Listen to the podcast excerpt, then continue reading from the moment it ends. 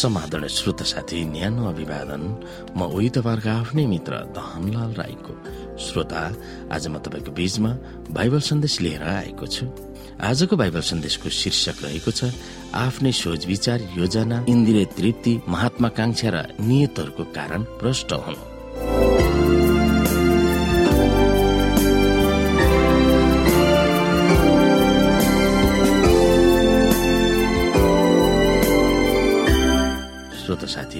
तिनीमध्ये हामी सबै पनि शरीर र मनका इच्छा पूरा गरेर वा इन्द्रिय तृप्तिको निम्ति आफ्नो पापमय स्वभावका लालसामा अघि जिउँथ्यौं र बाँकी मानिस जस्तै हामी स्वभावैले क्रोधका सन्तान थियौं।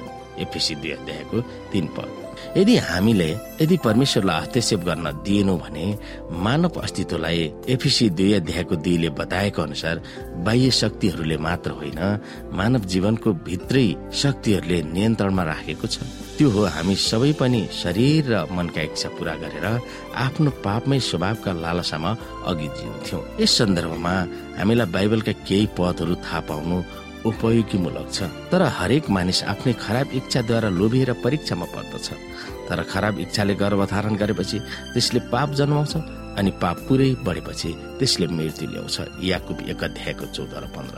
यसै गरी हामी पत्रुसको पुस्तकलाई पनि हेरौँ।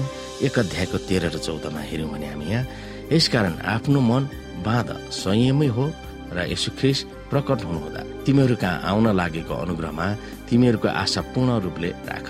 आज्ञाकारी बालकहरू भएका हुनाले अगाडिको अन्जान अवस्थाका इच्छाहरूमा तिमीहरू अब नलाग श्रोता साथी आफ्ना श्रोतावर्गहरूलाई बाँकी मानिस जस्तै हामी स्वभावैले क्रोधका सन्तान थियौँ भनेर एफिस दुईको तिनले भन्दछ। पावलले सुनाउनुको यो अर्थ के हो र किन हो हामी यहाँ हेर्न सक्छौ। तिनी मध्ये हामी सबै पनि शरीर र मनका इच्छा पूरा गरेर आफ्नो पापमय स्वभावका लालासम्म अघि जिउँथ्यौँ र बाँकी मानिस जस्तै हामी स्वभावले क्रोधका सन्तान थियौँ। र कसैले तिमीलाई खोक्रा कुराले धोका नदेओस् किनकि त्यो कुराको कारणले अनाज्ञाकारीहरूमाथि परमेश्वरको क्रोध पर्छ। परमेश्वर बिना वर्तमान जीवन बिताउनु कहाली लाग्दो नै छ र युगको अन्तमा बाँचिरहेका मानिसहरूको स्वभाव झन भयावह छ।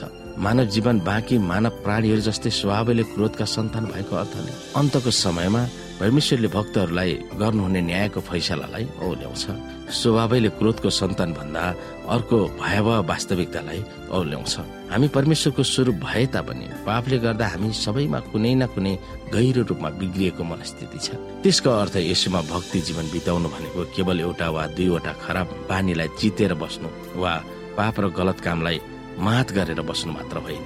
एफिसी दुई अध्यायको एक जुन अहिले नै हाम्रो जीवनमा जल्दो बल्दो विषयहरू भइरहेका छन्।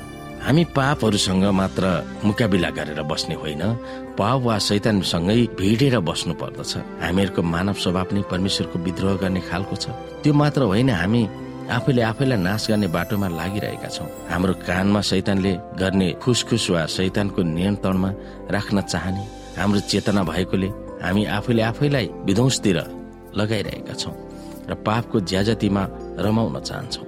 हाम्रो नियत र भित्री चाहना नै पापका इच्छाहरूलाई सुम्पिरहेका हुन्छौँ। यसो भक्तहरू एकपल्ट स्वभावले क्रोधका सन्तान थिए। यो धेरै महत्वपूर्ण छ कि पावलले त्यस क्रोधको मामिलामा भूतकाल प्रयोग गरिएको छ। हामी स्वभावले क्रोधका सन्तान थियौँ। त्यसको अर्थ यो होइन कि यसुलाई विश्वास गरेपछि पाप प्रति ढल्कने बानी हरायो। पावलले आफ्नो पत्रको एक प्रमुख भाग एपिसी चार अध्यायको सत्र र पाँच अध्यायको एक्काइसमा पापपूर्ण कामको बारेमा चेतावनी दिन्छन्। हाम्रो मानव स्वभावमै पापले जरा गाडिएकोले भक्तको जीवनमा पापले सन्तास दिइरहेको कायमै भएको हुन्छ। र हामीले यो ठोकुवा गरेर भन्न सक्छौ वा भन्न सक्नुपर्छ कि हाम्रो पुरानो जीवनले हामीलाई नियन्त्रणमा राख्न दिन आवश्यक छैन। यसो ख्रिसको शक्तिले पुरानो जीवन वा स्वार्थलाई त्यागेका हुन्छौँ र नयाँ जीवन धारण गरिरहेका हुन्छौँ। हामी परमेश्वरको स्वरूपमा पुनः सृष्टि हुन्छौँ। उहाँमा रहेर हामी सत्य धार्मिकता वा धर्म परायण र पवित्र जीवन बिताउन सक्छौ। यसुलाई हाम्रो जीवन सुम्पिए तापनि बेला बेलामा हाम्रो भ्रष्ट स्वभाव जागिरहेका हामीमा कसले अनुभव गरेका छैन। हाम्रो जीवनको प्रत्येक क्षण यसुमा नै झुन्डिरहनु कतिको महत्व छ भनेर त्यसले हामीलाई सिकाउँदछ। ती कुरामा हामी विचार गर्न सक्दछौँ।